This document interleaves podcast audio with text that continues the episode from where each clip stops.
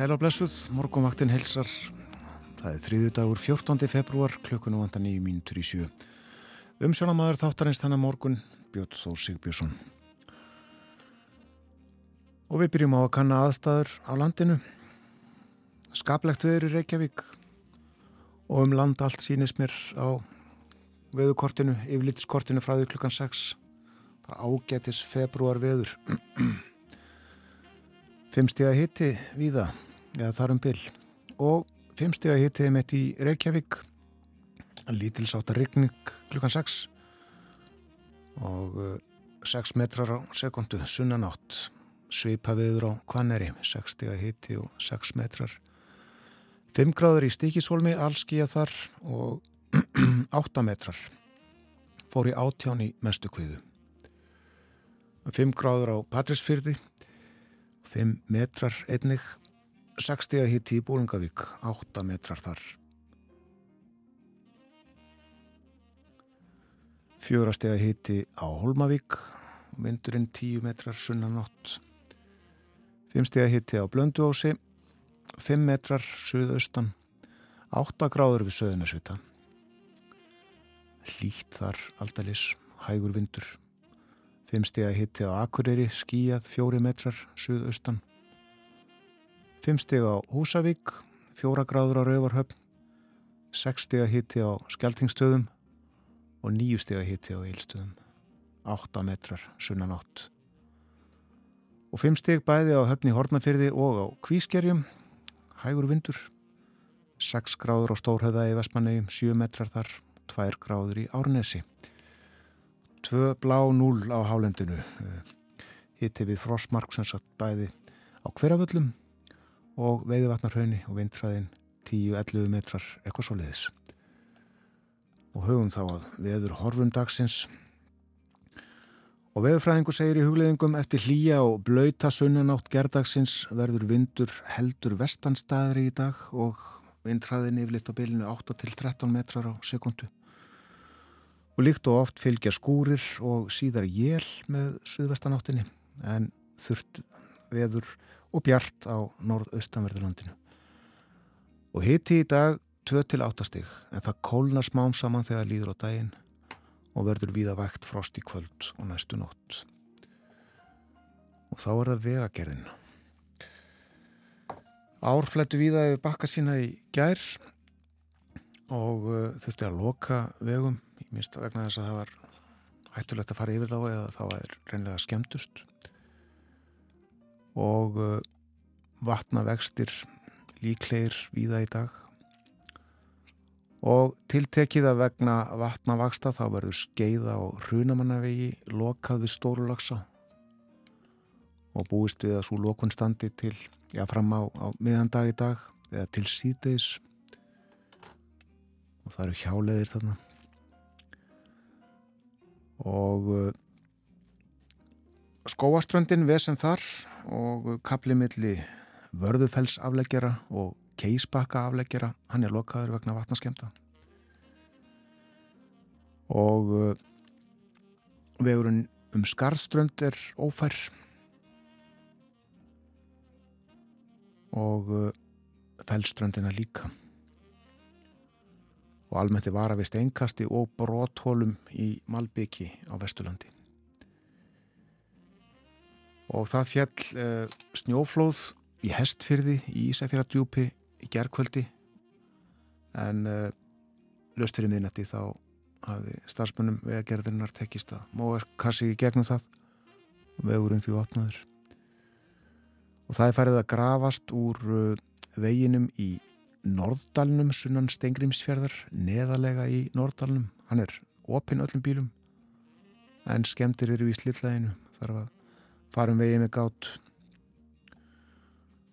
og uh, sendar át tilkynningu miðnætti e, þess efnis að strandgata á tálknafyrði hún var lókuð þá.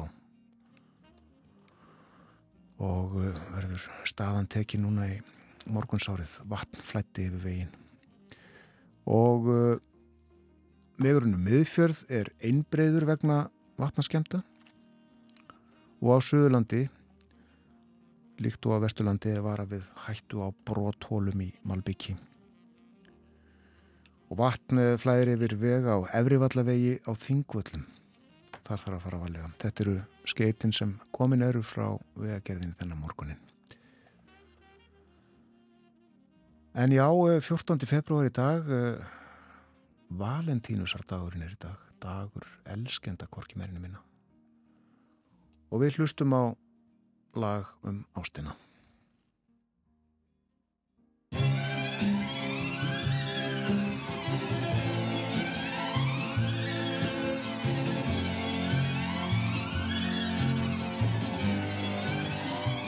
This magic moment so different and so new was like any other. Until I kiss you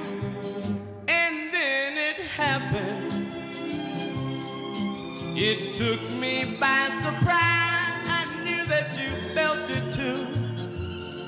By the look in your eyes sweeter than wine softer than the summer night. Everything I want I have. Whenever I hold you tight this magic moment while your lips are close to mine last forever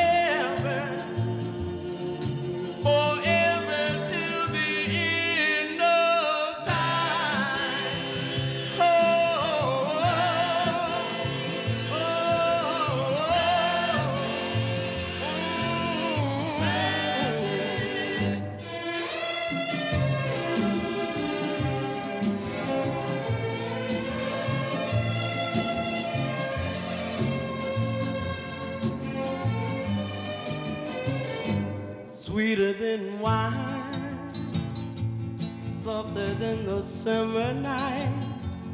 Everything I want, I have. Whenever I hold you tight, this magic moment, while your lips are close to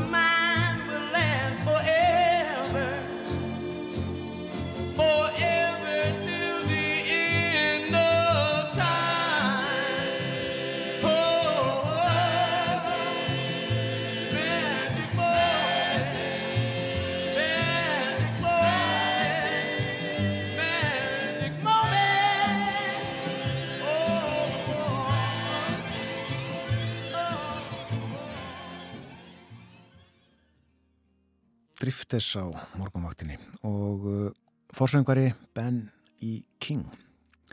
This Magic Moment. Það líður að fréttunum kom eftir uh, réttrúma mínútu. Þá slær klukkan sjö. Við förum yfir dagskráð þáttarins eftir fréttinnar og uh, lítum í blöðin og ímislegt fleira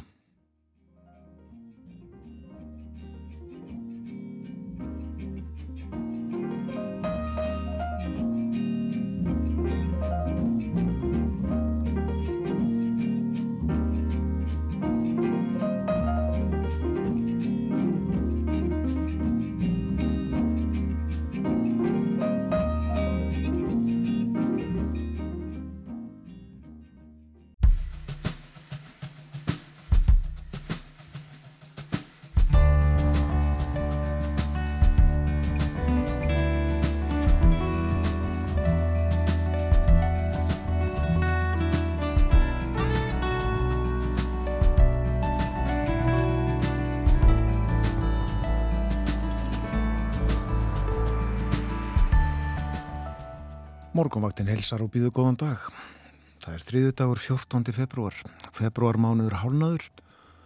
Hann er jú bara 28 dagar í ár, eins og í fyrra og árið þar á undan.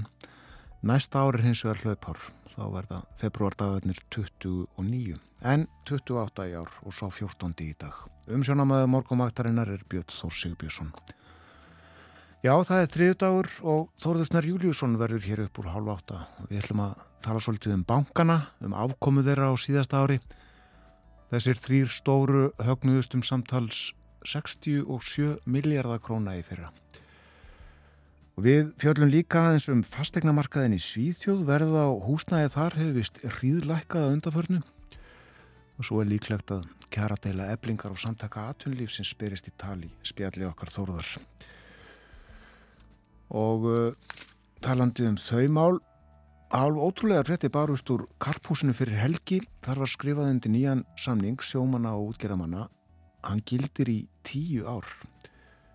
Valmundur Valmundsson formaður sjómannasambandsins verður hér hálf nýju segir okkur frá því helsta úr samningnum og já, hverju meila dætt í huga semja til svona langs tíma? Við spyrjum hann að því. Og Artur Björgvin Bodlason verður líka með okkur í dag og í Berlínarspjalli segir hann okkur meðal annars frá úrslitum endurteknu kostningana í Berlín á sunnudag. Þau komu nokkuð á óvart og hann fjalla líka um skáldið Bertolt Brecht en 25 ár og 100 árum betur þar að segja 125 ár voru liðin frá fæðingu Bertolt Brechts á dögunum og hans var minnst í þýskum fjölmjölum. Svona er dagskráð þáttarins í dag. Veðurspáinn, það verður sunnan og suðvestan átt á landinu í dag 8 til 15 metrar á sekundu. Það verður kvassast með suður og vestuströndinni. Víða jél en yfirleitt þurft um landi norðaustamert. Og hitti í dag 0 til 5 stig og það kólnar í kvöld. Og á morgun þá verður suðlega átt, jæljagangur, bjart þó áfram norðaustan til og hitti á morgun um og undir frostmarki. Og uh, hittastíði verið svipað á fymtudaginn og uh, getur orðið bísna kallt á förstu dag, ég vil tólstíða frost. Þar að segja það sem kaldast verður inn til landsins. Áfram frost um allt land á lögadag, áttin breytileg og sömstaðar lítilsáttar jél, þetta er auðvitað langtíma spáin en svo hlínar á sundaginn með vaksandi sunnanátt en kólnar aftur á mándag. Svona er gangurinn í verinu næstu daga. En uh, þá er það uh, aðstæður á vegum landsins. Ég fór nú ítalega yfir þetta fyrir frettinnar klukkan sjö en uh, geri aftur í gróum drátum núna fyrir fólk sem var að kveikja útvarpinu. Það er í það vesen á vegunum eftir vatnavexti og Vegurunum Skarströnd er til dæmis ófær og einnig um fellströndina og uh, kapli á veginum um skóaströnd er lokaður. Þetta eru skeitin frá Vesturlandi uh, og uh, frá Vestfjörðum er það að segja að vegurinn í botni Norddals sunnan Steingrinsfjörðarheðar er einbreyður. Það eru skemmtir á slillaðinu þar Nú, uh, vegurinn uh, miðfjörð er líka einbreyður vegna vatnaskemta en á Östurlandi eru hálkublettir á nokkrum fáfarnari leiðum. Og uh, á Suðurlandi og Vesturlandi var að við hættu á bróthólum í Malbyggi vegna leysinga. Bróthólur, þetta er vega gerða mál stundum notað. Og vatnflæðir yfir kabla á vegi á Þingvöllum, á Efrivallavegi og uh, vatn er mjög víða á vegum.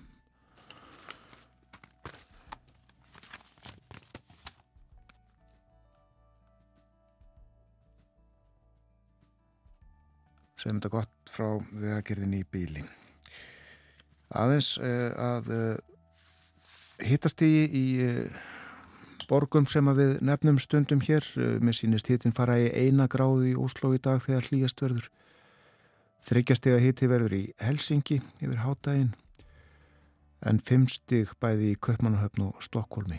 Áttagráður hins vegar í þósöfni færi en það er kallt í núk og grænandi 20 stega frost þar. 13 eh, stega hitti verður í París og 8 eh, steg í Berlin, 13 stega hitti í Lundunum, 17 gráður í Róm og 19 stega hitti á Tenerife.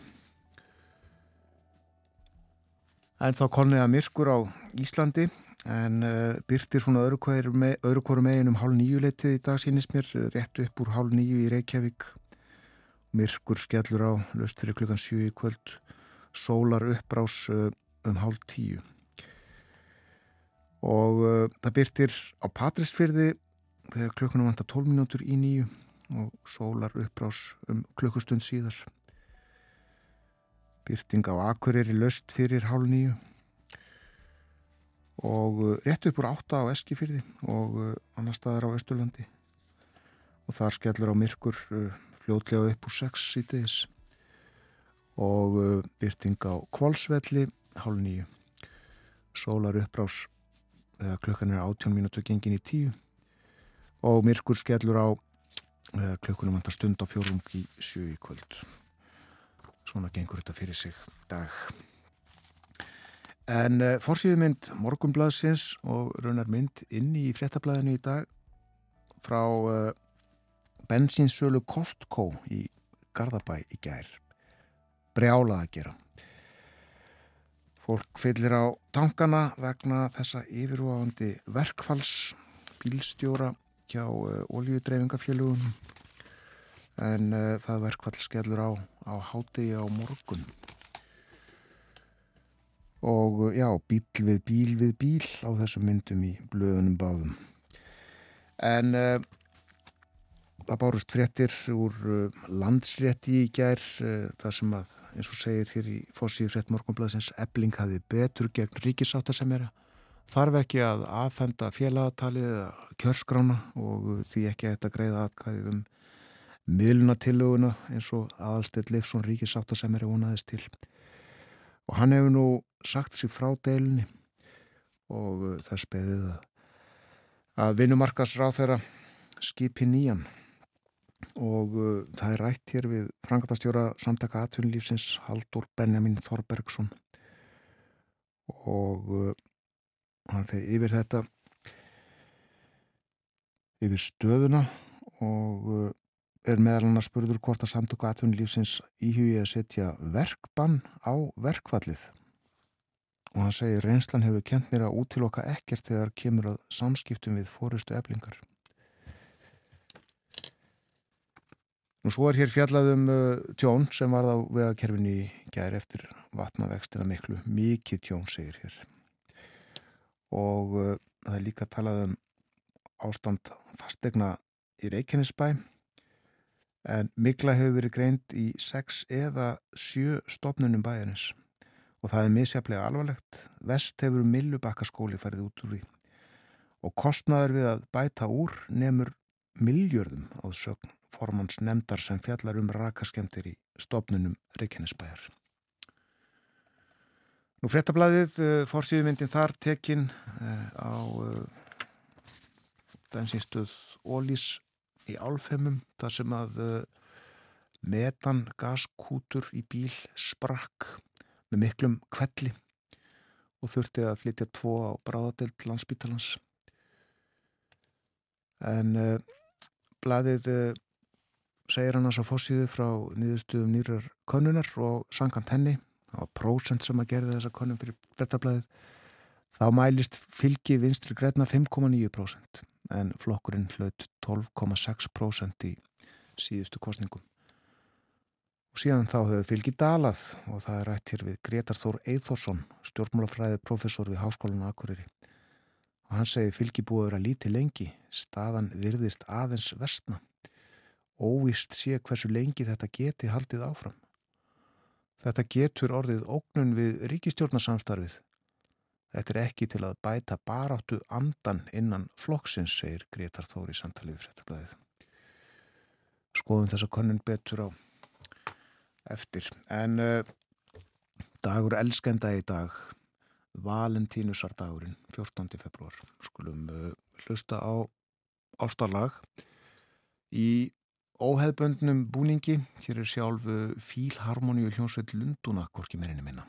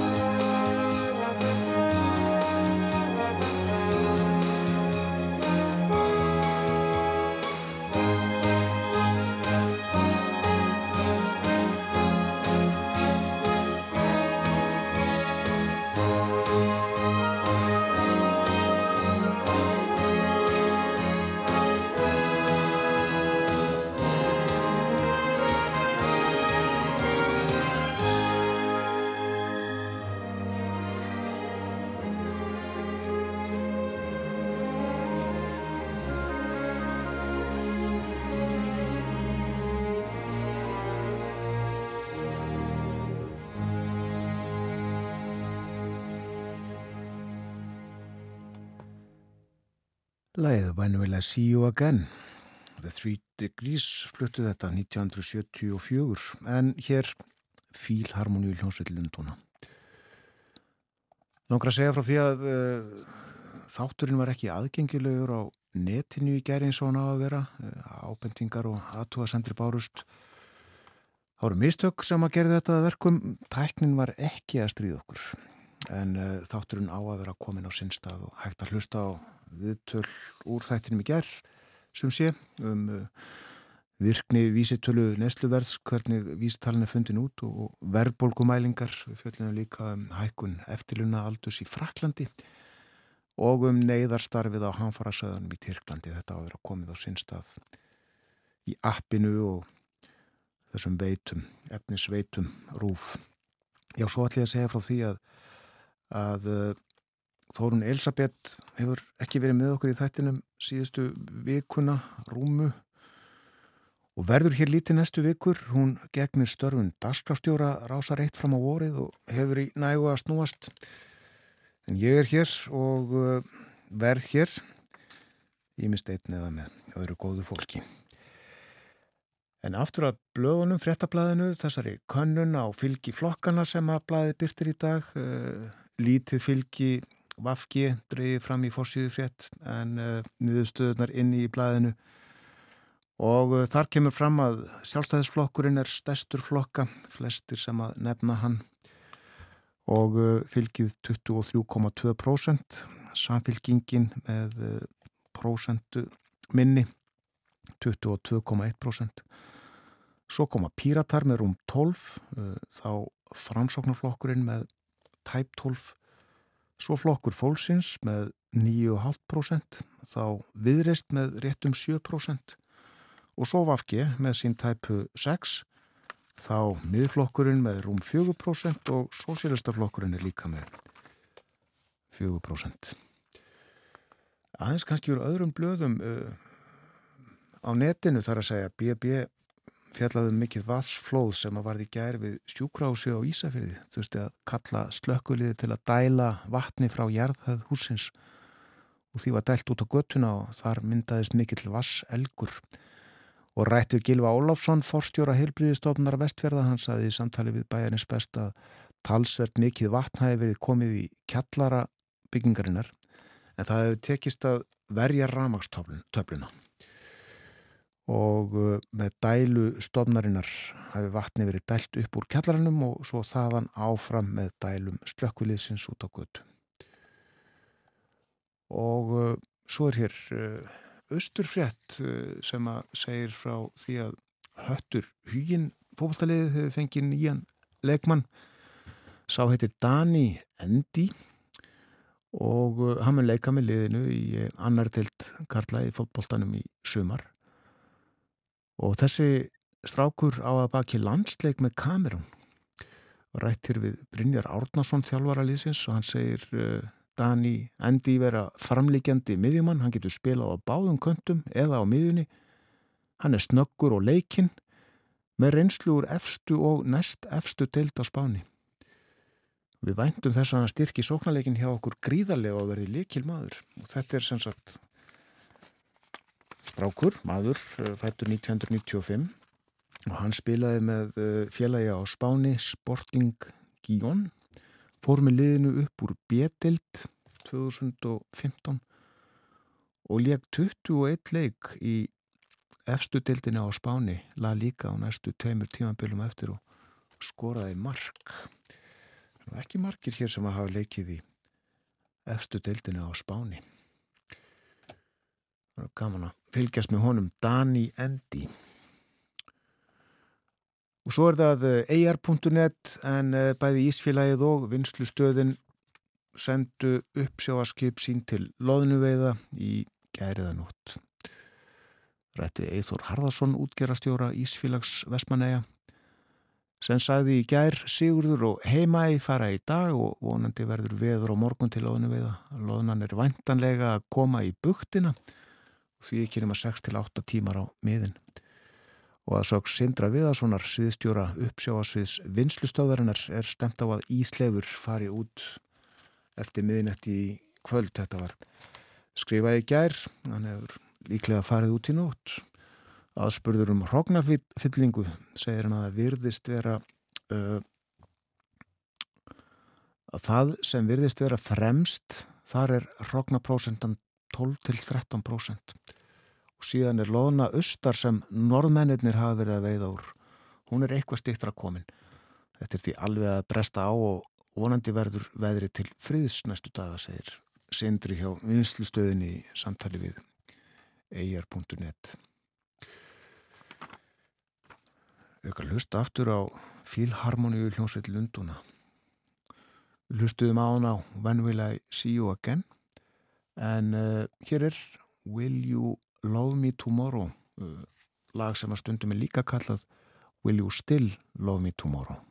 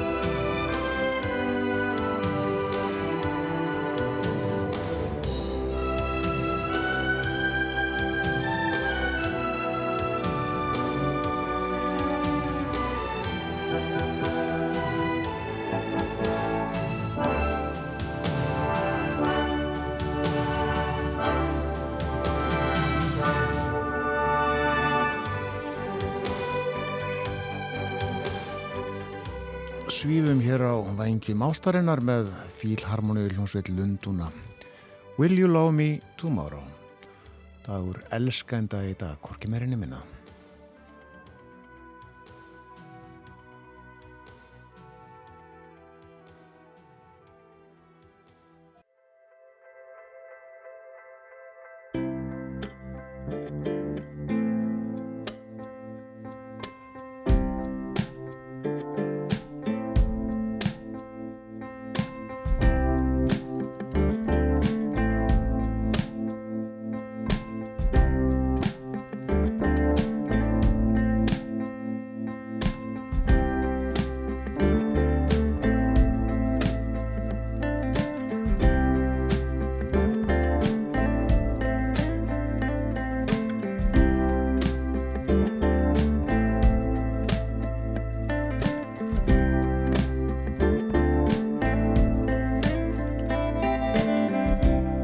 Sælaftur þér að hlusta á morgunvaktina á rás 1 klukkan núna réttliðlega halv 8 það er þriðu dagur í dag 14. februar Minni á það að Artúr Björgum Bodlasson verður með okkur eftir morgun fréttinnar klukkan 8 hann talar bæði um stjórnmál og menning og listir í dag. Eh, við ætlum að tala um úrslitt kostningana í Berlín á sunnudaginn og eh, líka um Bertolt Brecht. Það eru 125 ára liðin frá fæðingu hans. Hvert þekktasta og vinsalasta og virtasta skáld þýskra bókmenta skrifaði leikrit og ljóð og ímislegt fleira. Já, Artur með okkur á eftir, eftir morgunfréttir og uh, svo melli hálf nýju og nýju verður hér Valmundur Valmundsson formaður sjómanarsambandsins hann ætlar að uh, segja okkur meðal annars hvernig það kom til að uh, sjómenn og útgerðamenn sömdu til tíu ára og skrifaði undir, ný, undir nýjan samning rétt fyrir helgi og hann er til tíu ára og slíkt hefur ekki sést í langri sögu kjara samninga á Íslandi. Ég nefni það líka að það er útlitt fyrir bara ágættis veður, ágættis februar veður í dag, 14. februar. En uh, nú er komin yngað Þóruðsnar Júliusson, ritt stjóri heimildarinnar, við ætlum að tala um efnahag og samfélag, heil og sæl og góðan dag. Góðan dag. Við byrjum á böngunum, þessum þreðmur stóru landsbankanum, Íslandsbanka og Arjónbanka og afkomu þeirra. Hvernig gekk uh, reksturinn og starfseminn á síðast ári? Nú segja að hún hefði bara gengið með uh, miklum ágætum. Uh, þeir þínu samanlagt, eða högnuðu samanlagt um 66,9 miljardar króna. Það er sannlega aðeins minna en þeir gerðu árið 2021 þegar Ragnarum var 81,2 miljardar. En við skulum hafa í huga að, á milli 2020 og 2021 jógst hagnaður, samveilur hagnaður stórubankarna þryggjum 170% þannig að 2021 var mjög gjöföld ár. Og þarna spilar líka verulega inn í að það er breyta í efnaðarsreitningi í landsbankans sem hefur mikil áhrif á uppgjörnans sem er eignar hlutur, óbeitt eignar hlutur í Marel. Og Marel lækkaði mikið í verði í fyrra og það hefur uh, drastískar afleðingar á afkomana sem hefur ekkit með grunnregstur landsbankans að gera. Nei. Uh, samanlagt hafa þessir bankar frá því að þeir voru uh, búinir til á nýjum kennutölum eftir runnið, núna hagnast um 817,1 miljardar króna uh, þannig að þetta er svona bara, ég held að þeir geti uppistuðu bara verið nokkuð ánæðir með niðurstöðuna, undirlíkjandir rekstur, það er að segja vaksta tekjurnar, tekjurnar sem þeir hafa af því að að uh, taka peningana af okkur og geima þau innlán og lána þau síðan aftur út svona til einföldunar eh, með síðan vaksta muni sem sittur eftir í, í, í vössum bankana eh, það er jökust mikið. Eh, reynar vaksta tekjur jökust um 24% á milli ára. Og það er venja þegar svona, í þessu ástandi sem við erum þar sem vextir eru að hækka og verðbólka er og uppleið að, að vaksta tekjur aukist. Um, en vaksta munurinn, munurinn á því sem þau borga okkur, eða bankandi borga fólki í vexti fyrir innlánin sín og þar sem þeir síðan lána út á, hann hefur líka aukist. Hann var 2,3 til 2,8% 2021 en 2,7 til 3,1% í fyrra og hæstur hjá Arjónbanka 3,1% og þetta er umtalsveit meiri vakstamunur en týðkast annar staðar í kringum okkur. Það er að segja svona í samburu við Norrannubankana, þar er mun, mun minni vakstamunur og ef að vakstamunurinn væri minni þá, eðlum árs sangvænt, væru lánin okkar ódýrari, það segir sér sjálft. Eh, Þóknanatekjur, eh, göldin sem bankati taka af þjónustu sem þeir veita bæði fyrirtækjum og fjárfæstum en líka heimilum og einstaklingum. Eh, það er jökust upp um 10% samæðila fyrir alla bankana á milli ára. En arðsemi eiginfjár uh, sem er svona mælikvarði sem bankarnir nota til... Mikið likil hugtak Já, mikið likil hugtak það er að segja uh, bankarnir eiga fullt af eiginfjö og til þess að mæla hvernig þeim gengur og ávaksta þá er mælt þessi arðsemi eiginfjár og þeir eru með svona markmið sem þeir vilja ná. Vilja helst verið við 10% að minnstu kosti svona í arðsemi eiginfjár og hún dróðs saman í fyrra, hún var 10,8 til 14,7% 2021 en í fyrra fór, fór hún í 6,3% á landsbankanum og 13,7% hjá Arjónbanka. Akkur er svona mikil munur þarna skiptir langmestu máli það sem ég nefndi á það er e, þessi óbeini eignarhlutur í Marili gegnum Eiri Invest sem hefur þessi neikvæðu áhrif þetta er kallað gangveri óskrára eignarhluta landsbankans í, í ásetningi og e, það lækkar um 10,5 miljardar á milli ára og það hefur þessi áhrif Já. þannig ef að sem svo að, að Marel hafi hækkaði virði þá hérna, hefði hagnaðurum verið miklu meiri hjá landsbánkanum en, en raunbyrð vitnu og arsum eigin fjórðar leðandi umtalsvett meiri líka. En þessi hlutur uh, bankans í Marel, hann er alltaf til sölu eða ekki? Já, hann hefur allan að verið það. Uh, hérna, ég hef náttúrulega ekki kanna það nýlega hvort að það hafi breyst en þau hafa allan að sínt tilbúri til þess að reyna að losum hann á undarföldnum árum án mikil sárangus og, það, og endilega mjög stór hlutur og, hérna, og kannski ekki hvers manns færi að hérna, taka hann. Nei, en það virðist vera ágæðlega svona sæmilega gjöfull bransi að vera í bankaþjónustu í Íslandi. Já, já, þetta tekka bara áfram og hérna uh, og, og það er svigurum til hjá, hjá engaböngunum til þess að fara í í umtalsverðar útgreifslur og endurkaup á brefum, það er að segja skila fjármunum úr bankanum til hlutafa. Sælabankin hefur reyndar beði bankanum að fara rólega í útgreifslur bara vegna ástandsins. Ég held að það sé e, bæði til þess að, að vera ekki að, fóðura bálið en líka bara svona upp á ásýnd.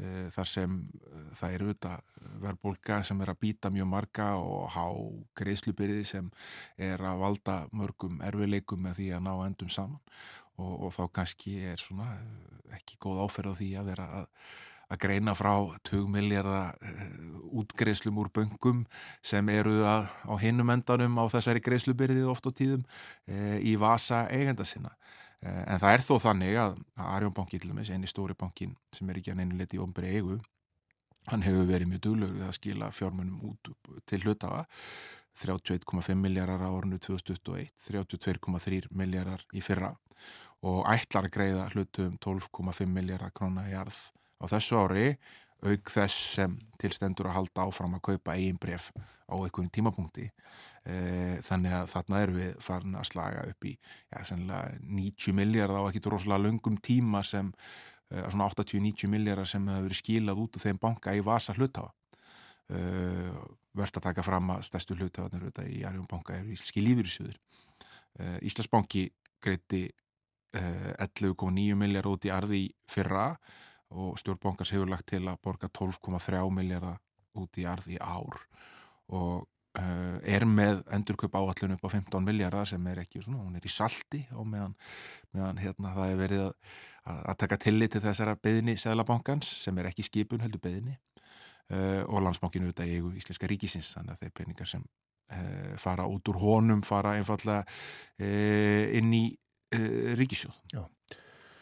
Og enn er í gangi þessar viðræður millir kviku og Íslandsbanka við nefndum þetta hér um daginn og það hefur gerst í mildtíðinni að, að þessu bóði var tekið af stjórn Íslandsbanka formlega e, Já og ef úr verður þá e, verður það stæsti bankin e, með stæsta efnaðasreitningin þetta mun sennilega taka umtalsverðan tíma sögum þess að að þetta áttur að fara í gegnum auðvitað fyrst í gegnum eh, sko hvort það sé flötur á, á sammenningu og svo þurfa stjórnir að samþykja og svo það sangetist eftir litið að samþykja og mér sé svo hugur að það verði ekki alveg einfalt með alla lið. Við rættu það eins og sem hér um daginn það er okkur dóttufélög sem verður sennilega gert aðtöðsend við að fá að saminast finnst manni sennilegt. Eh, en kannski eitt inn á lókum varandi bankana að Uh, það vekur líka aðdegli auðvitað alltaf þegar uh, það er hort á kjör bankamanna.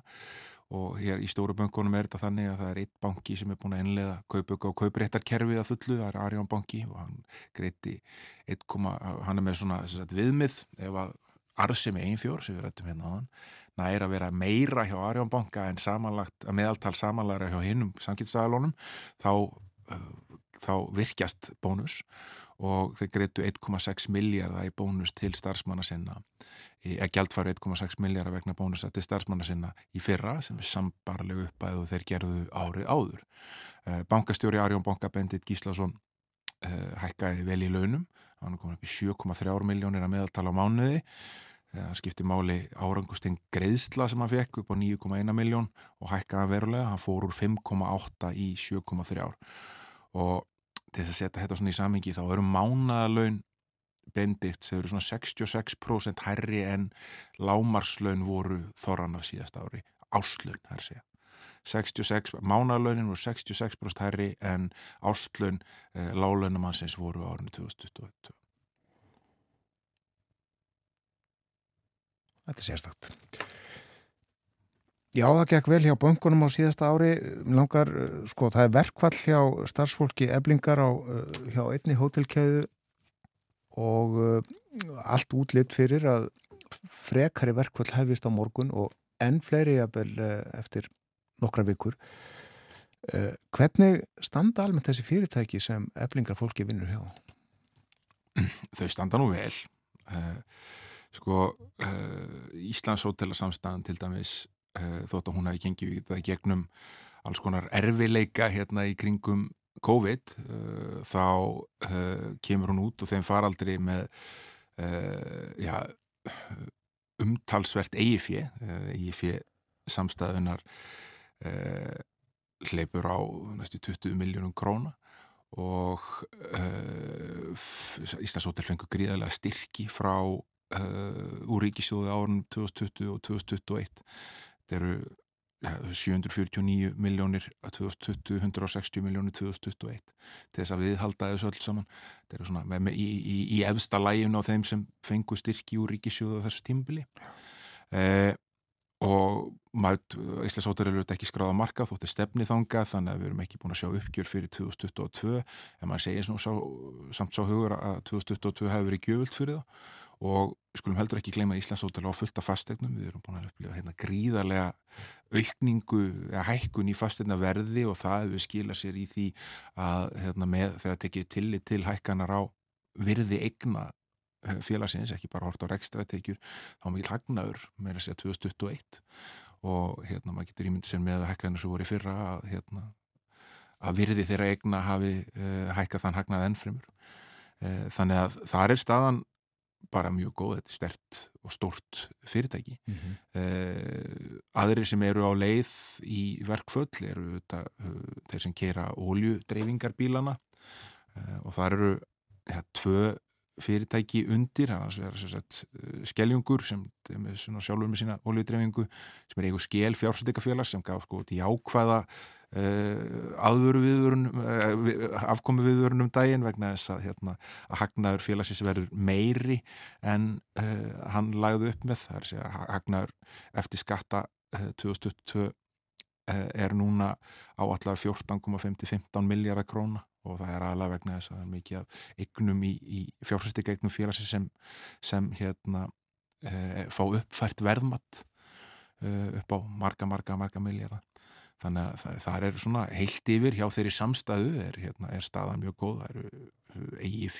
áallega í áslokki fyrra var 33 miljardar það er séu búin að draga skuldina frá eignun uh, eh, Óljudreyfingi síðan í, í sammeiliri eigu uh, samkynnisaðilana það er séu Ólís og, Einins og uh, það eru þetta félög sem eru síðan í eigustæstu smásölu fyrirtæki á landinu, festis annars vegar og haga hins vegar.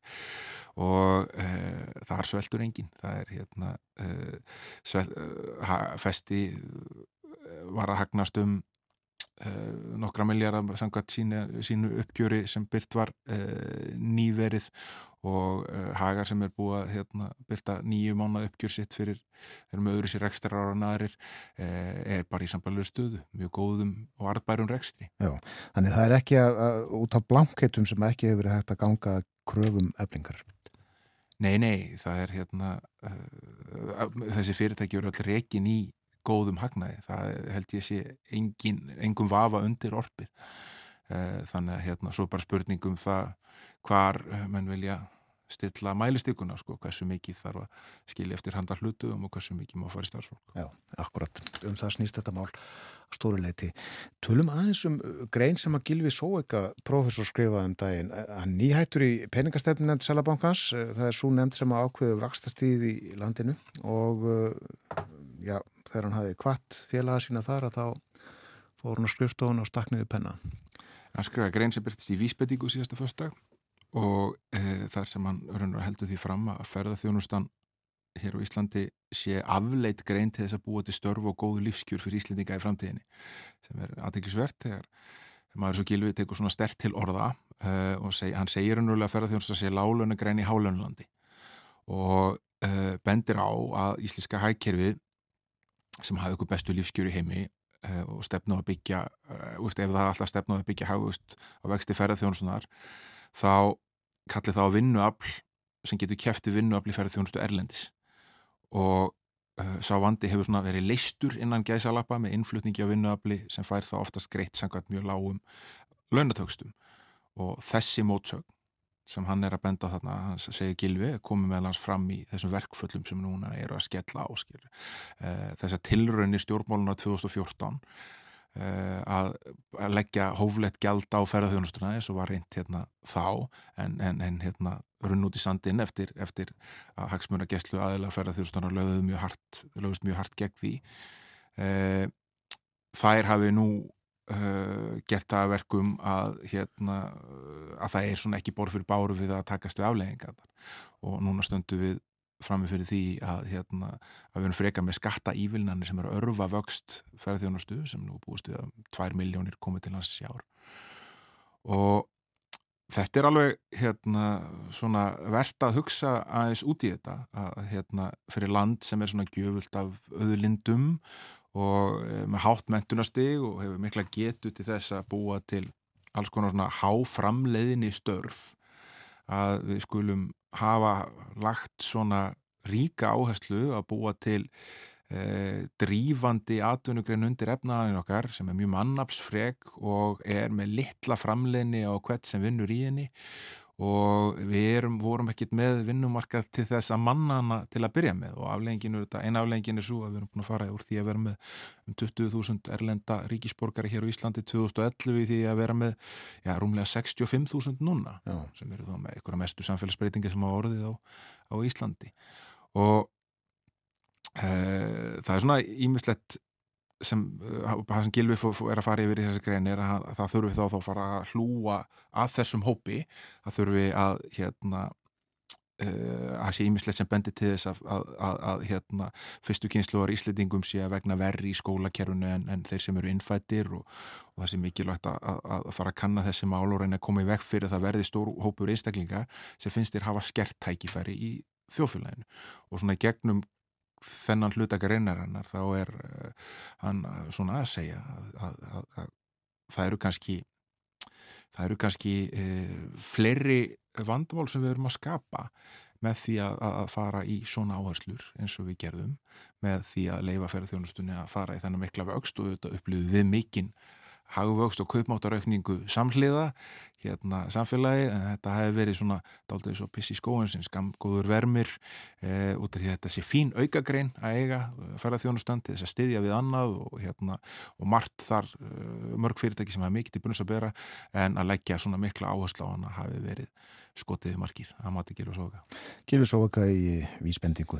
Vil maður hér síðustu myndunar að tala þessum fastegnaverð, ekki þó fastegnaverði hér sem við fjöldum nú alltaf reglulega umheldur uh, í Svíþjóð, tala um sænska húsnæðismarkaðin.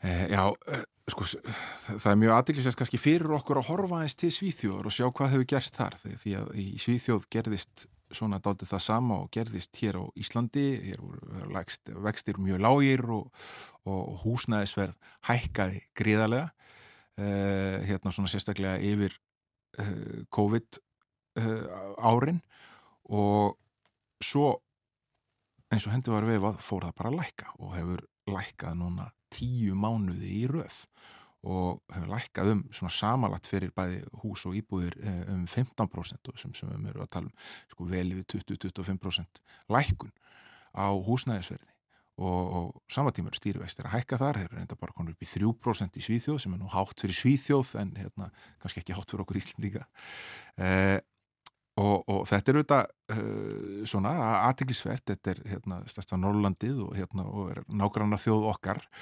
Og margt svipað í svona struktúrnum hjá þessum tveimur samfélagum þótt að við séum auðlinda drifnari en svíjar og þeir eru þetta klímaði miklu meiri orkukrísu en, en, en við erum að gera hér á Íslandi uh, en við erum að upplifa það hér að núna hefur orðið lækkun á húsnæðisverði tvo mánuður og uh, við erum að sjá það að, að það er svona er mikil kæling sem er eiga sér stað á húsnæðismarkaði.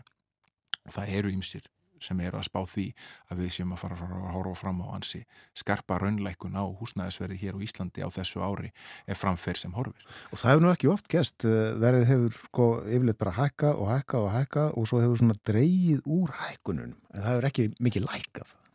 Nei, en núna uh, hefur við þetta greipið til aðgerða. Sælabankin hefur takmarkað aðgengi sérstaklega fyrstu kaupenda að lántökum með því að setja svona þakka á hversu mikið við getum skuldsetti og stýrivextinnir sjálfur sér uh, svona hérna, gera það verkum að, að, að það er margi sem ráð ekki við þó greiðslubyrði sem uh, þeir þurfa að takast á við ef þeir að kaupa sér húsnæði.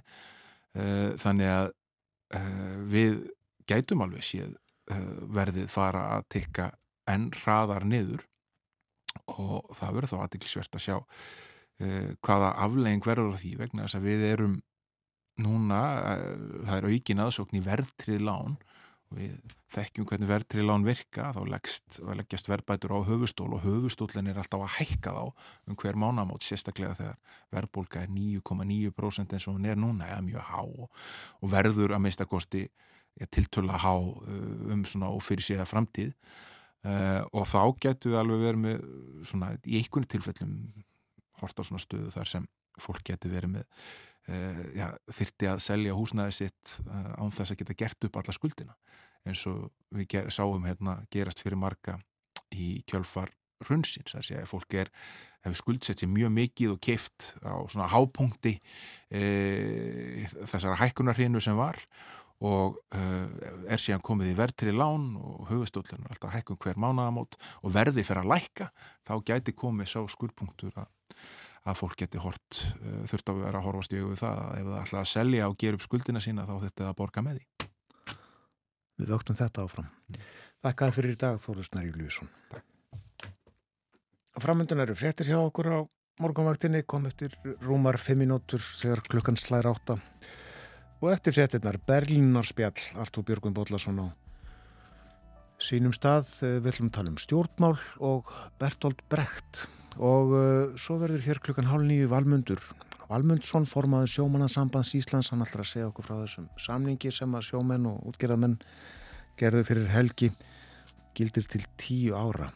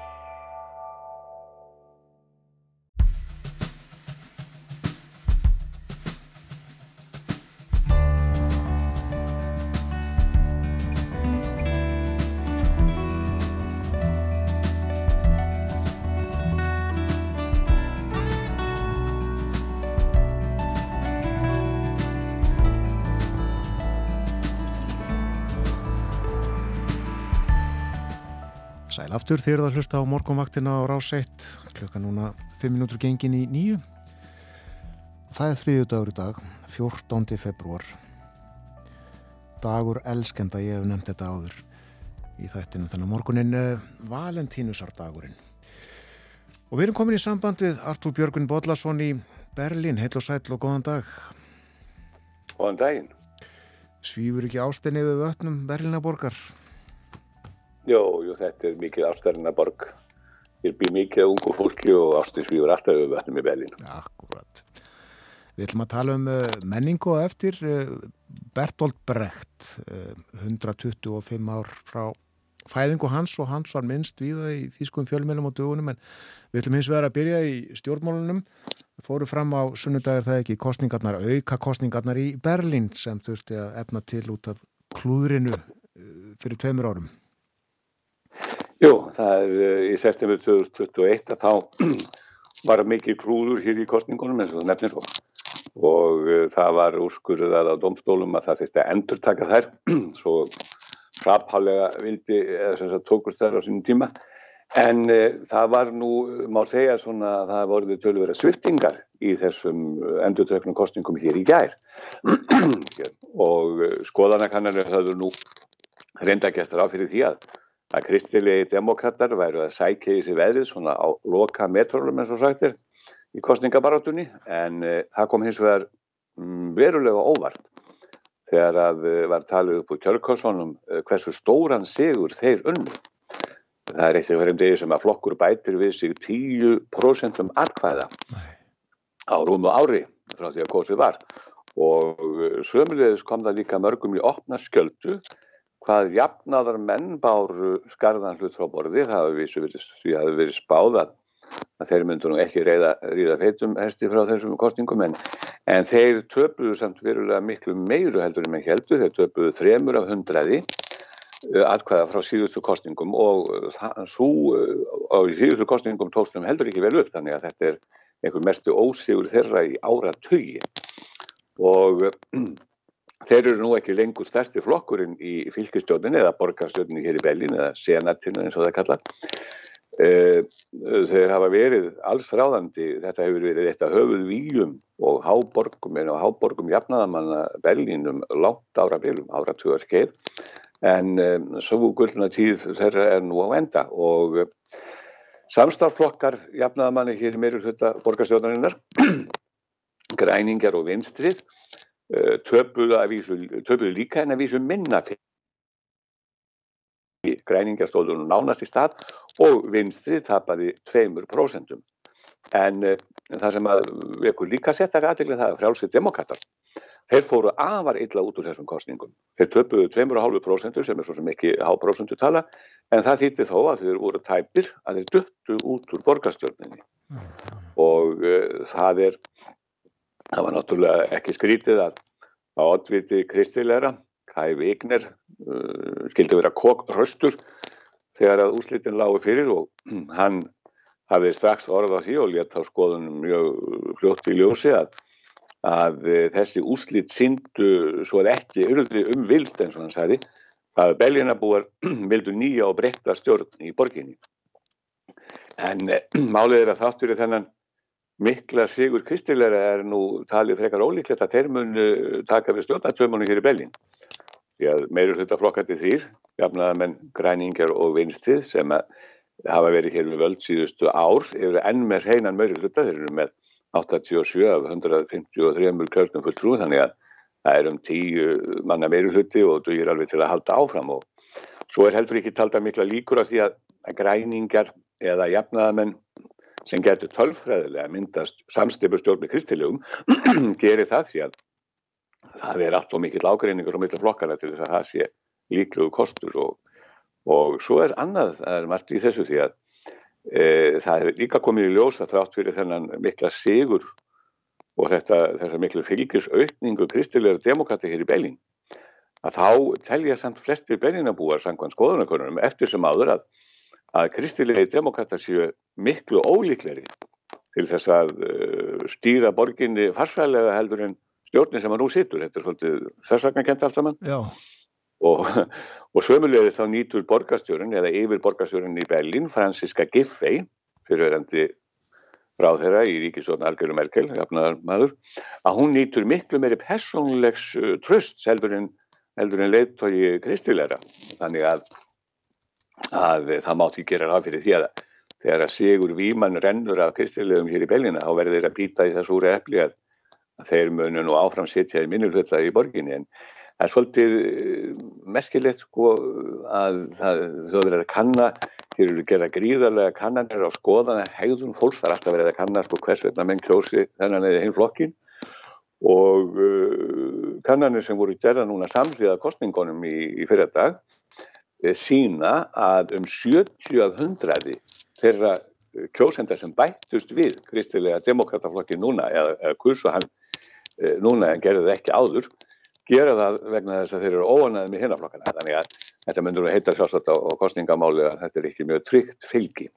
En, en svo er það líka annað sem við þurfum nú að nefna þegar að þegar að kosið er í fylgjum hér í Hískalandi þá fer fólk alltaf að vega og meta hversu, já, hvaða áhrif þessi úrslit hafi mögulega á Þísku ríkistjóninu og, og þegar við skoðum þessar niðurstöður þá kemur nú mjög skistiljós að þær eru afskaplega daburlegar fyrir frálsademokata sem að sitja í ríkistjóð Þískalands núna á samt jafnaðamönnum og græningum og uh, þess vegna er líka talið að, að uh, útreiðin sem að þeir fengu frálsið demokrata núni í kostningunni hér í Bellin í fyrradag hún sé bara skýr og ótvíðað vísbendingum óanægu stöðnismanna þess flokks við framistuðu sinnamanna í ríkistjórn og þannig leggja með þetta nút. Ríkistjórnin svona heilt yfir státrækja miklum sírum er það á þessu kjörtiðanbyrji? Nei, hún gerir það ekki og uh, þessi úrslitt, uh, þetta er náttúrulega græningar og jafnaða mennins og nefnus er, þetta er ekki mjög farsæl úrslitt fyrir þá heldur. En, en hörmulegust er það útreðið sjálfsættdemokrata af stjórnaflokkurum, við tökum lítum á þá og, og uh, þess vegna sko þetta skilur auðvitað formaður flokksins Kristján Lindner fjármórar á þeirra manna best og hann var nú ekki jafn kókröstur eins og sem er aðri þegar að tala var við hann í fjölmjölum eftir þessa niðurstuð eins og eins og von er. En e, það má hins vegar telja vist og það mátti á hann skilja hann muni á næstu vikum og mánuðum gera sitt til þess að koma stefnumálum sínsflokks betur til skila á stjórnarheimilinu e, eins og nefnir að þá hefur stjórnin ekki verið notið sérstakar hillið, hún hefur átt erfitt uppdáttar meðal annars vegna ágreinings innan stjórnarflokkana þeir hafa vísu reyndað fela þann ágreiningsholdið og og ekki, ekki vilja láta hann kvísast út en e, það er nú samt leikið út af stjórnarheimilinu eh, leikið upplýsingar um að, að það sé nú stundum ekki mjög friðsamlegt og, og þetta gæti, þessi úrslýtt hérna í Belgin gæti orðið til þess að samstarflokkana þeikja í ríkistjórnum Þískalands er því styrðara heldur en það hefur verið og eh, sem dæmum á nefna að það hefur staðið mikill ágrinningur um það uh, hvort að ég takmarka hámasræða á þýsku hraðbröðunum eða autobörunum eins og íslendingar kallaða stundum mm. og uh, það er sko vist að það verður harðar að tekist á og, og frálsýttjum okkar að munu reyna að, að, að koma sér betur á framfæri og, og koma fleiri málum í gegn í ríkistjórn Ískalands eða Þísku stjórninni heldur en hinga til því að þeir döttun út af einu fylgistingi síðast og uh, það eru þrennar fylgiskostningar Þískaland, í Þískalandi, hérna á þessu ári og þeir fyrir að geta þess að þeir bara hverfitt er svona síðan, það er bara þannig. Eh, rétt áður en við eh, hættum að tala um þetta, eh, Berlin er auðvitað stór borg og fjölmenn, er, er fylgið greint millir hverfa? Já, það er mjög mikið gert og það er að segja, það er að, að kanna það hvernig svona, hvernig uh, dreifing eða alkvæðin dreifast eftir hverfum hér í Berlin, eins og þú segir, þetta er stór og mikið borg og Þetta eru um fjóra meilinu íbúa sem hér búa þannig að í þessum hverfum uh, búa 8-10 munum fleiri íbúar heldur en á Íslandi öllu. Þannig að uh, það er ljóst að það er áhugavert að skoða það og, það er til dæmis komið ljóst núna að það hefur orðið uh, tölurverið viðsnúningur í fylgi flokkana í sumum hverfum eins og til dæmis í innflytjanda hverfinu Nájköln. Það er svolítið merkilegt að skoða það vegna þess að Franziska Giffey, leitt og ég efna manna, hún var nú einu sinni bæjarstjóri eða hverfistjóri eða hvað við kallaði í Nájköln mm. sem að lengst af hefur verið einn af háborgum jafnaðamanni hér í Bellin og nú bregður svo við að, að kristilegir vinna þar yfirburða sigur og það sést líka greinlega það er annað sem er áhugavert eins með að þegar tölur eru skoðaðar allkvæðar tölur eru skoðaðar í miðborginni, Bellin mitti sem kallaðir og hverfum eins og Sjönuberg og Vilmerstorf þar sem býr mikið að menta fólki, háskólaborgurum, að það eru græningar eftir sem áður mjög sterkir. Þeir eru greinilega mikið eftirleiti kjósenda af svona millistjett og efri millistjett sem hafa langskólamentur að baki og uh, bærilegar tekjur og þannig að e, það má kannski segja þegar maður horfir á svona kortið já, það er um dreifingu atkvæða að, að Berlín hafi bara skipt um lit í þessum kostningum frá því að vera meira meina rauð í síðustu kostningum og yfir í það að vera bara aðalega svört núna. Já, já. Svona grænu ívafi. Akkurat, svona gengur þetta fyrir síðan í stjórnmálunum. En uh, nú ætlum við að tala um uh, menningu, menningu og listir, við ætlum að tala um Bertolt Brecht.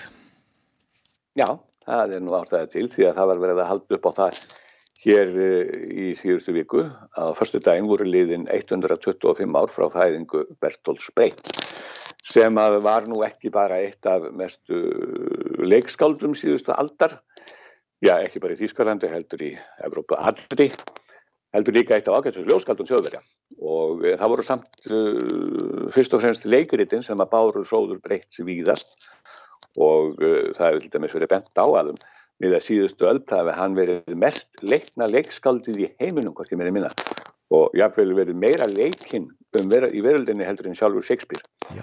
svo miklar voru vinsældir hans á tímubili og uh, hann átti náttúrulega örlega ríka sögu. Hann eitti nú um þriðjungi sinna fullorins ára og sinns ferils í útlegð.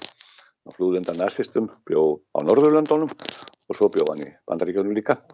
Og uh, og hann upplifiði gríðarlega umbróta tíma hann upplifiði hann er eiginlega samtíma maður Haldur Slagsnes, þeir voru nú kunningar eins og skrifað hefur verið um heima hann upplifið fascismann, kommunismann heimskreppuna, tvær heimstyrjaldur og, og síðan upp af kaldarstísins og, og hann var auðvitað gríðarlega mikil svona uh, leikúshá að fólk ekki það, hann var mikil kenningarsmiður í leiklistinni og uh, allir þar með ákveðnum strömskörfum með, með því að móta hugtök á borðu við episka leikúsið og, og það sem heitir á þýsku fyrir fremdung og íslendingar hafa kallað framand gerfingu, þetta er svona líkið hugtöki í, í, í leikhúsfræðum setni síðustu aldar eða liðinu aldar. Og uh, þá má nefna á að annan töguleikri þetta Bertil Breytt hafa verið þetta uh, svið á Íslandi. Og uh, fyrir þá sem maður kannski ekki munað þá eru þetta leikri eins og uh, Múter Kurás eitt af hans þekktustu verkum, Puntil og Matti Heilu Jóhanna Sláturhúsana og Góða Sálinni Sessuans og ég nefni bara þá einn leikrit og svo náttúrulega má ekki glema Því leikrit eftir hann sem er sennilega höfður orðið vinsall allra. Og það er túlskildingsoperan sem hann samtið ungur eða og var frumslutt hérna í Bellin árið 1928 og naut alveg gríðarlega vinsalt og hefur verið sett upp ofta á Íslandi, var leikhópum og, og leikúsónum, naturlega leikúsónum og, og þar má segja að að njóti sem vel tengst eða samspil og samstarf best og spreitt við lagahöfundan Kurt Weil mm sem að eh, sko, þeir hafðu mikið og náði samstagsfélagin að milli og, og marga af þeim lögum sem komið fyrir þessum verkum uh, eftir þá félaga, hann sendi textan og gúttvæðlaugin að þau örðu bara heims þekkt og voru spiluð og hafi verið spiluð allar verðaldi. Já, akkurat.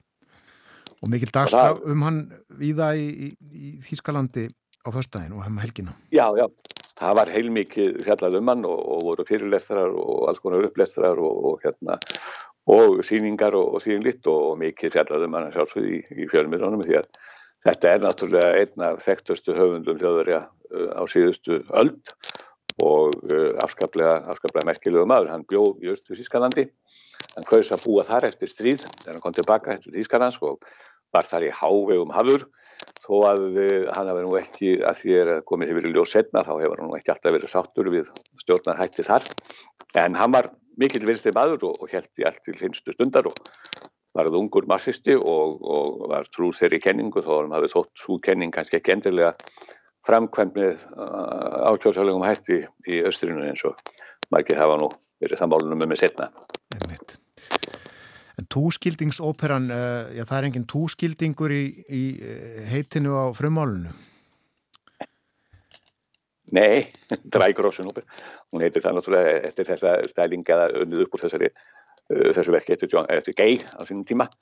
En, uh, en það er kannski, úr því við talum um hana þetta er mér í huga að, að það væri nú kannski gaman að, að, að lefa þessu stundum áður en við hverjum að hérna frá Belgin að heyra kannski eitt lag úr þeirri frægu óperu.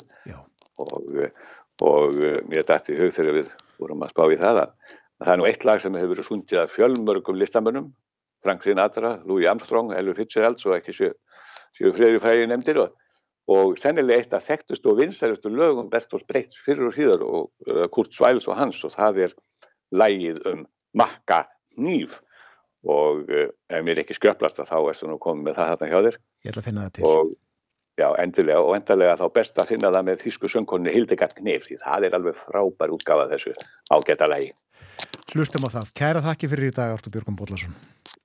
Takk sem leiðis Meira þýst hér á morgunvaktinni eftir viku á þriðu daginn í næstu viku. En uh, hér er uh, sungið um makkan hýf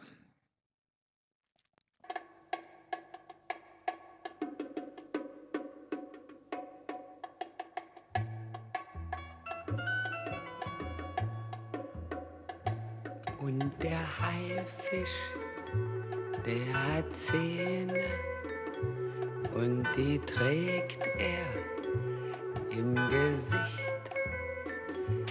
Und McKees, der hat ein Messer, doch das Messer sieht man nicht an einem schönen blauen Sonntag. Liegt ein toter Mann am Strand und ein Mensch geht um die Ecke, den man Mackie Messer nennt.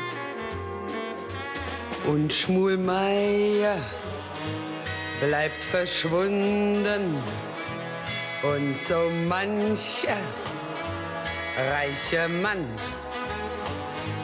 und sein Geld hat Mackie Messer, dem man nichts beweisen kann.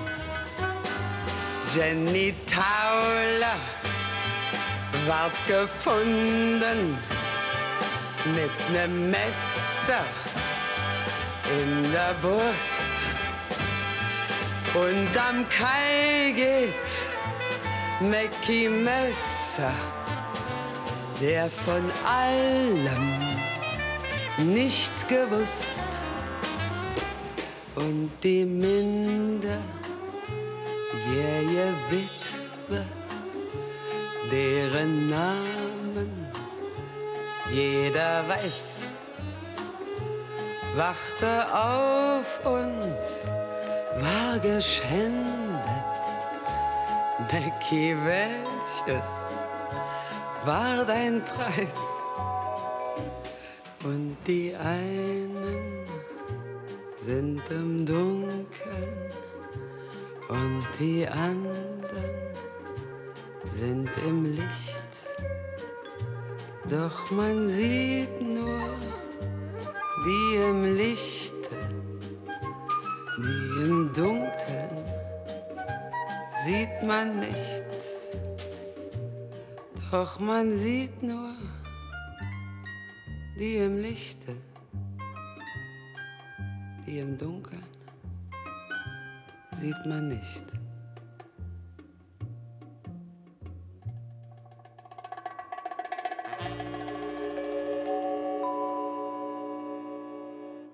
úr túskildingsóperunni Hildegard Knef Hildegard Frída Albertína Knef hétt hún fætt 1925, lést 2002 feikilega vinsælsöngkona á sinni tíð.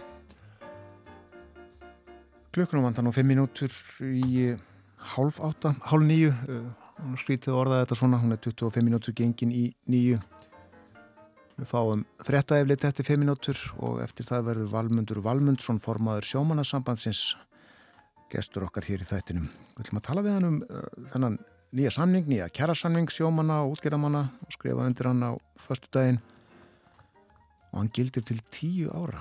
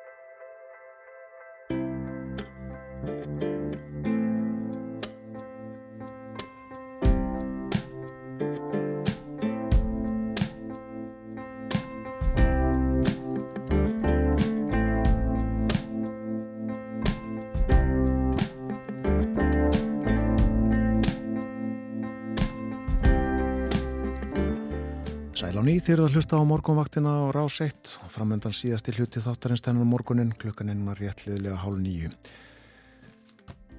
14. februar í dag, þriðu dagur. Hér stuttlega að veðurhórum dagsins, spáin er svona sunnan og suðvestan 8 til 15 metrar, það eru kvassast með suður og vestuströndinni, víða jél en yfirleitt þurftum landi norðaustanvert og hiti í dag 0 til 5 stig en svo kólnar í kvöld og á uh, morgun miðugudag þá verður uh, hiti um eða undir frostmarki og á fymtudag verður frostið að 6 stigum. Og enn kaldar á förstudaginn þá má búastu 12 stig á frostið þar sem kaldast verður.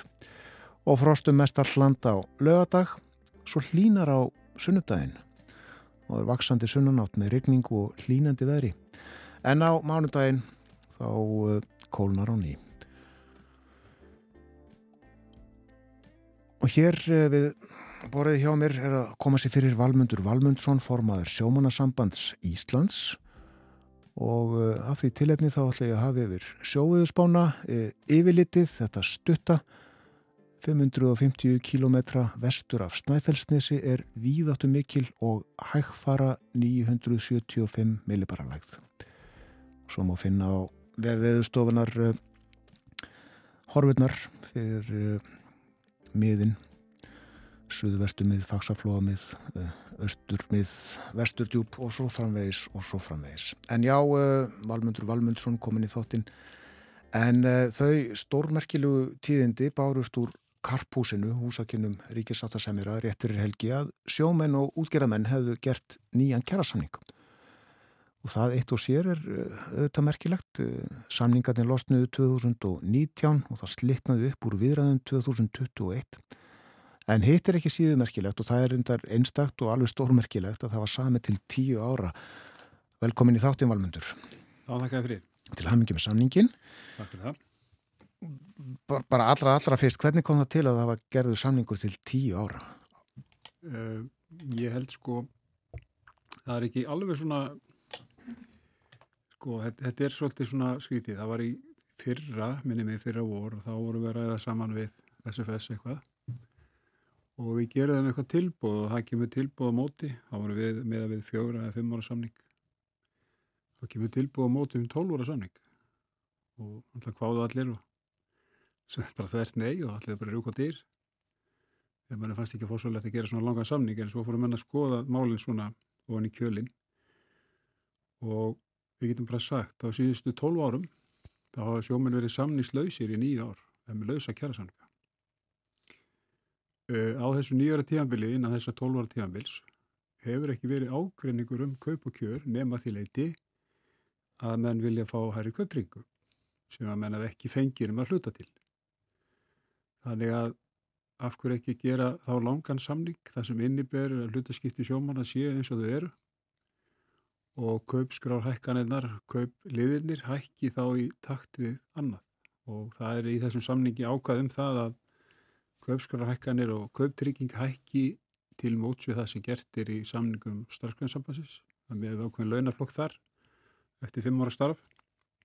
Þannig að við fáum alla þar hækkanir híðan í frá hvort sem það eru krónutölu hækkanir eða próstuhækkanir þannig að það kemur ón á okkar lámaslaun og kaupliði Þannig að það er svona kannski hugsunin en svo er líka annað sem að menn gleyma stundum í þessum samningi að það er forsönda ákvæði í honum sem að hægt er að virkja eftir fjögur ár sem að þýðir það að við getum ákveðnum skilirum uppfylltum sagt samninginu upp og þá gildir það eftir aðeins 12 mánuðum setna.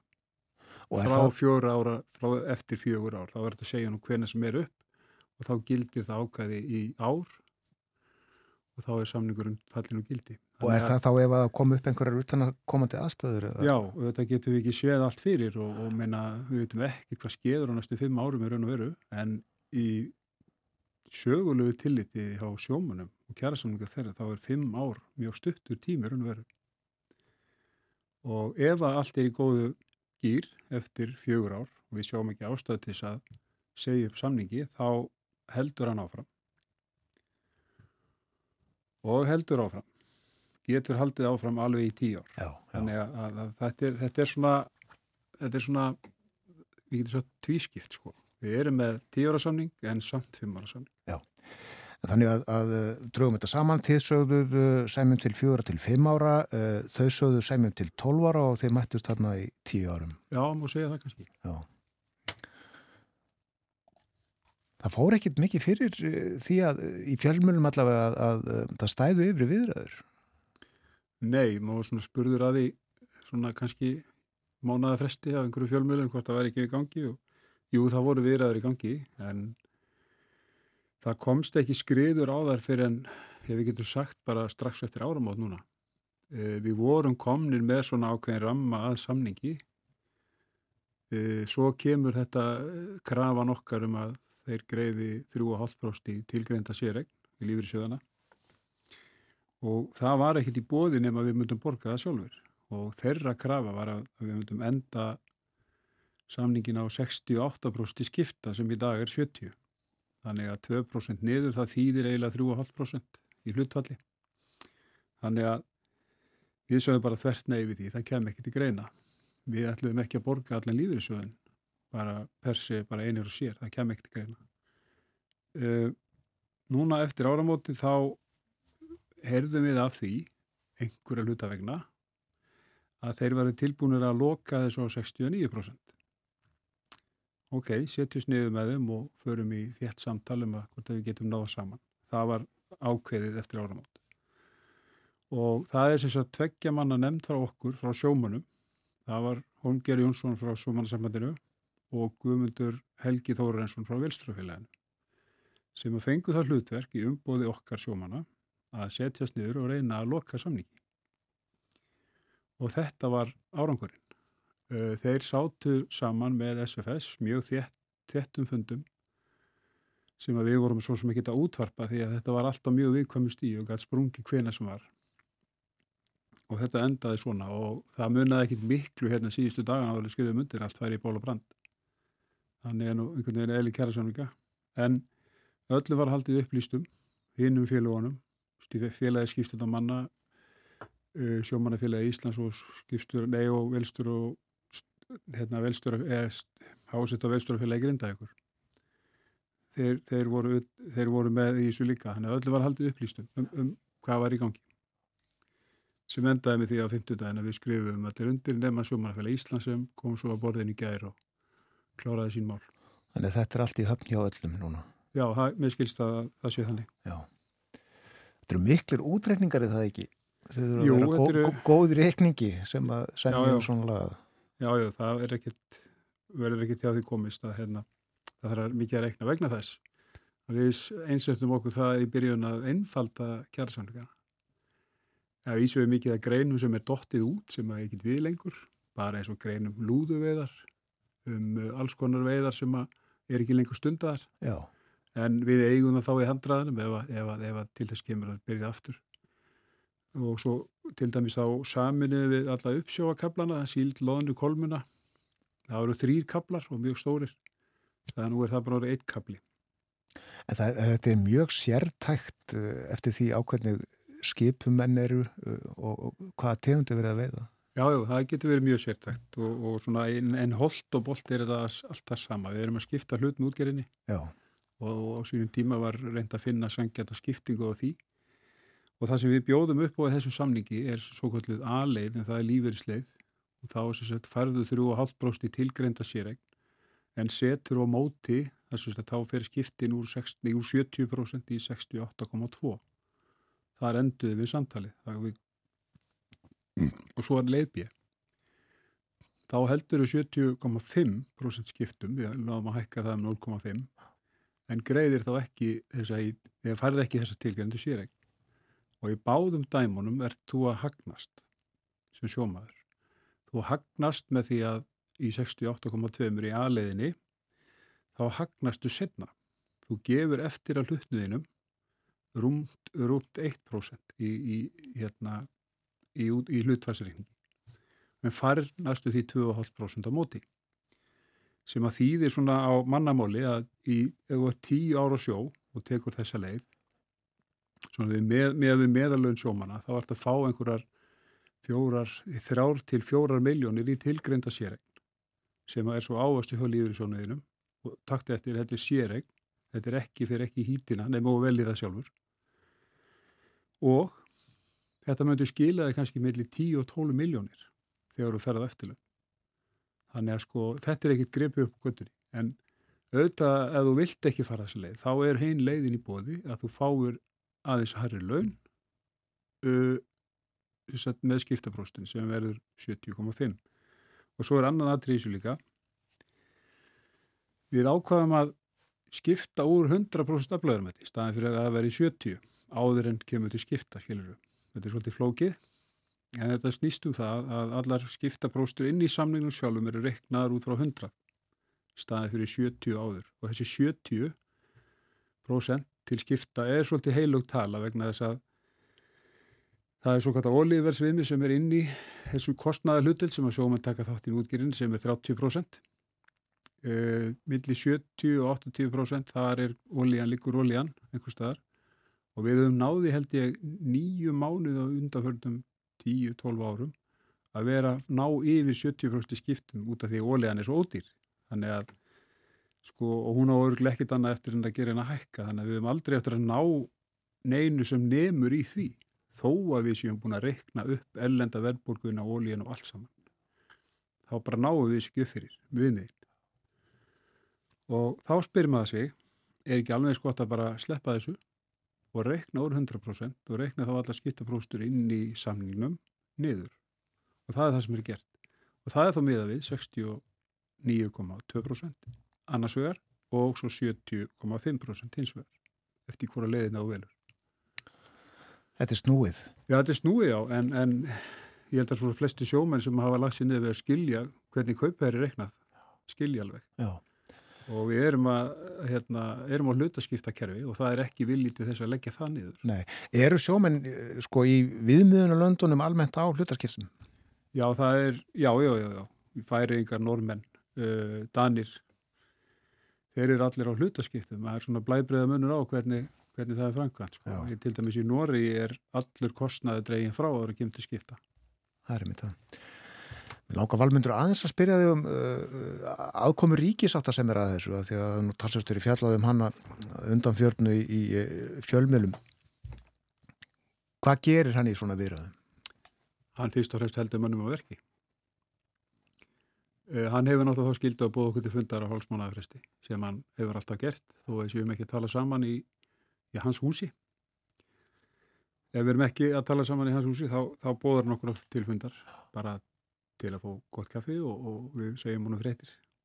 Og svo brínir það menn til, til hérna verka og, og það er kannski það sem hann á að gera. Já. það gerða hann alveg svika á lausnum okkur. En í þessum viðræðin þar er hann ekki að leggja til einhverja prosentu hækkanir eða lækkanir hér og annað mótið þar. Hann er ekki að því. Nei, það er ekki svo liður það er, það er við sjáum með það bara sjálfur Já, já, auðvitað. Ertu syngjandi sall og gladur með þennan sanning? Já, ég er mjög sáttur við hann og, og, og Nú förum við að, í herrferðum landið að kynna og, og verðum með hérna, kynningar á þessu og svo sínildæmi um hvernig menn kom út úr þessu. Ég held að menn, þegar menn fara að sjá það, þá, þá held ég það opnu augun og, og það ég sá nú einhver starf í morgun að menn er mjög skeftískir út af grein sem að er í samlunni sem heitir 1.89.1. Já. Það eru ný skip og nýjar veiði og verkunar að fyrir. Uh, eh, þessi grein var í hinu samlunni, þessu gamla, sem er núna í gildi af þessu, sem heitir þá 1.89.3 við börnum þessa grein aðeins, bættu við hana til hagsbúta fyrir okkur því að þá fáum við og getum komið að borðinu eða eitthvað breytist í útgerða þáttum á Íslandi. Þá er það bara búið að niður negla það og sjóm, eh, hérna, útgerðamenn geta ekki komið og sagt í okkur svona er þetta og þið fáu ekki meira þetta. Þeir verða að koma og semja okkur um það og það var, þetta var í hínu sanninu líka en bara miklu almennara orða. Og þú heyrir einhvern miskilning á kreiki um þetta. Já, ég held að menn séu algjörlega miskilja þetta ákveði. Hvernig er að kynna samningin fyrir sjómunum? Það er nú happ og glappa er það ekki hvort menn er í landi? Jú, það er þannig, en við reynum að, að hérna, hitta á menn þeirri landi og við þessna höfum við svolítið langan aðdraganda, já þessast langa kostningu. Hvernig er á henn að ljúka? En á ljúka 10. mars, við byrjum að, það eru opnuð opnað, opnað kostning núna á föstudaginn. Og það er svona mísjátt hvernig menn eru með þetta, við til dæmis sjómannasambandi er með rafræna kostningu. Já.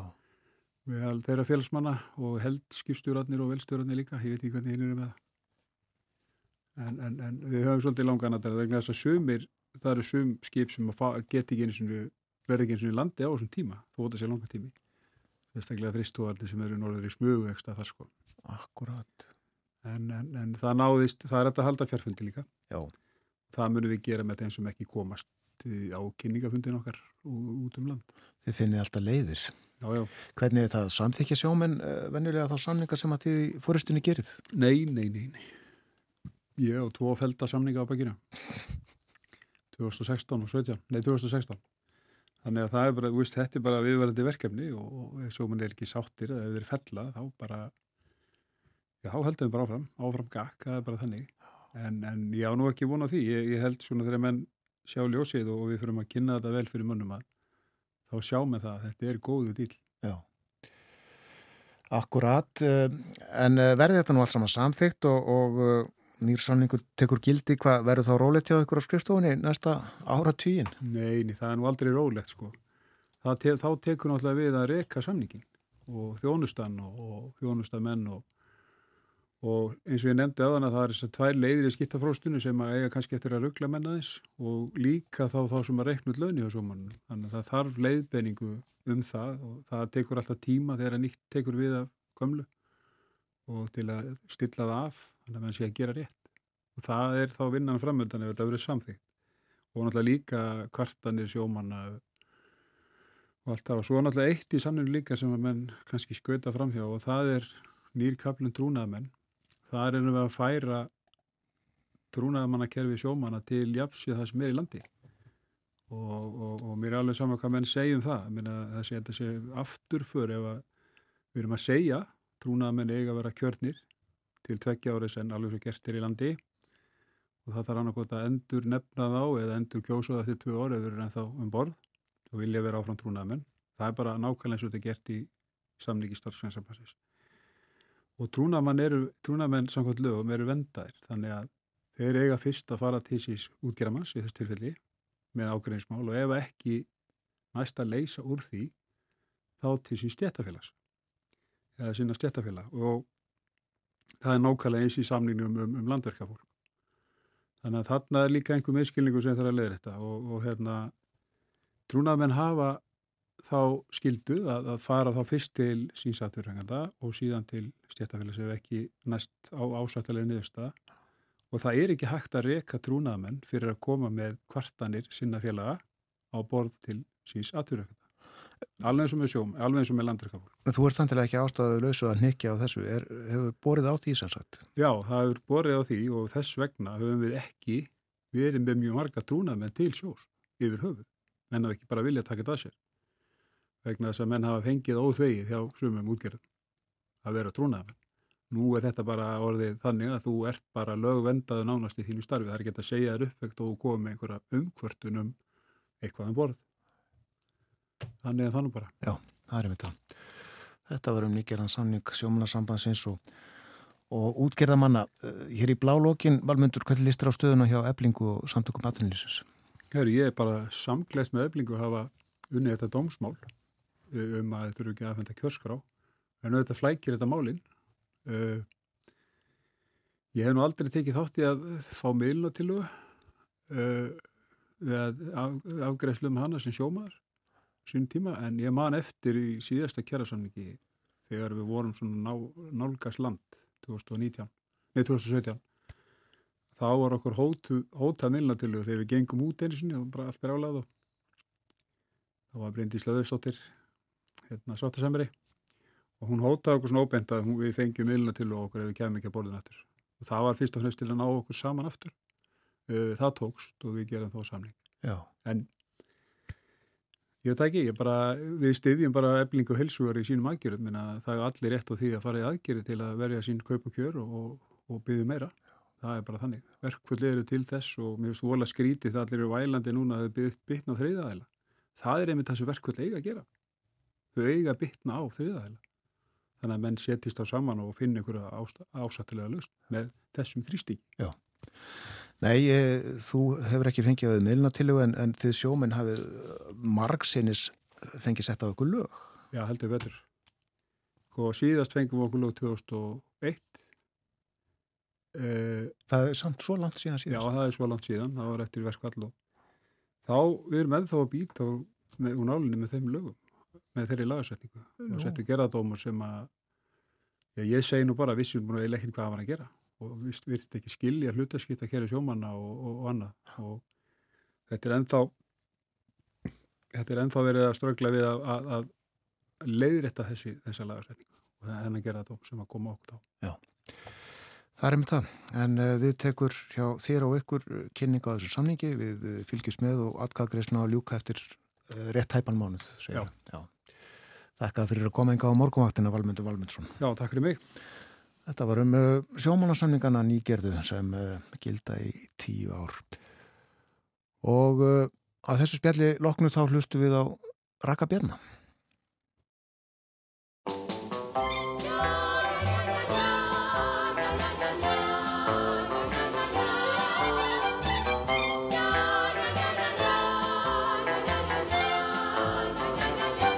Mitt ljúfasta lag sem ég lék forðum daga. Fyrir ljónsærða stúlku sem heitlaði mig þegar ungur ég var. Þá var sumar og sól og við sátum í lundi. Ég var saklaus sem barn en hún hlóað mér samt þegar kjarta mitt stundi. Og þegar mitt litla ljóð Þá leitar hugur minn ætíð á forna slóð Er mitt ljúasta lag Þar sem hjarta mitt kallar Einar ljósærðu stúlkur sem hlusta á mig Ég vil heilla þær allar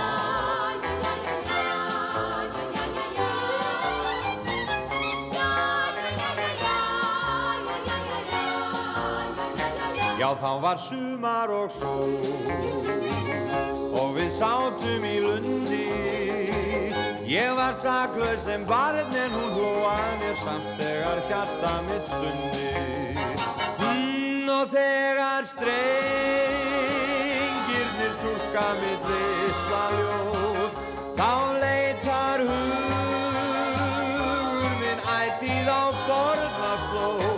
Heyr mitt ljúasta lag Þar sem hjarta mitt kallar Innar ljósærðu stúlkur sem hlusta á mig Ég vil heilla þær allar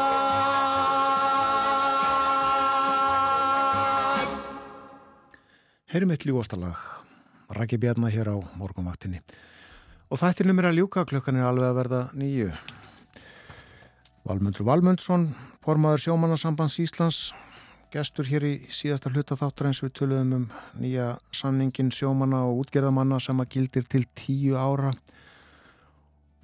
Artur Björgum var líka með okkur í morgun, saði okkur frá því sem er efst á bau í Berlín og við töluðum bæði um pólitík og menningu og svo var Þórður Snær Júliusson með okkur snemma í morgun.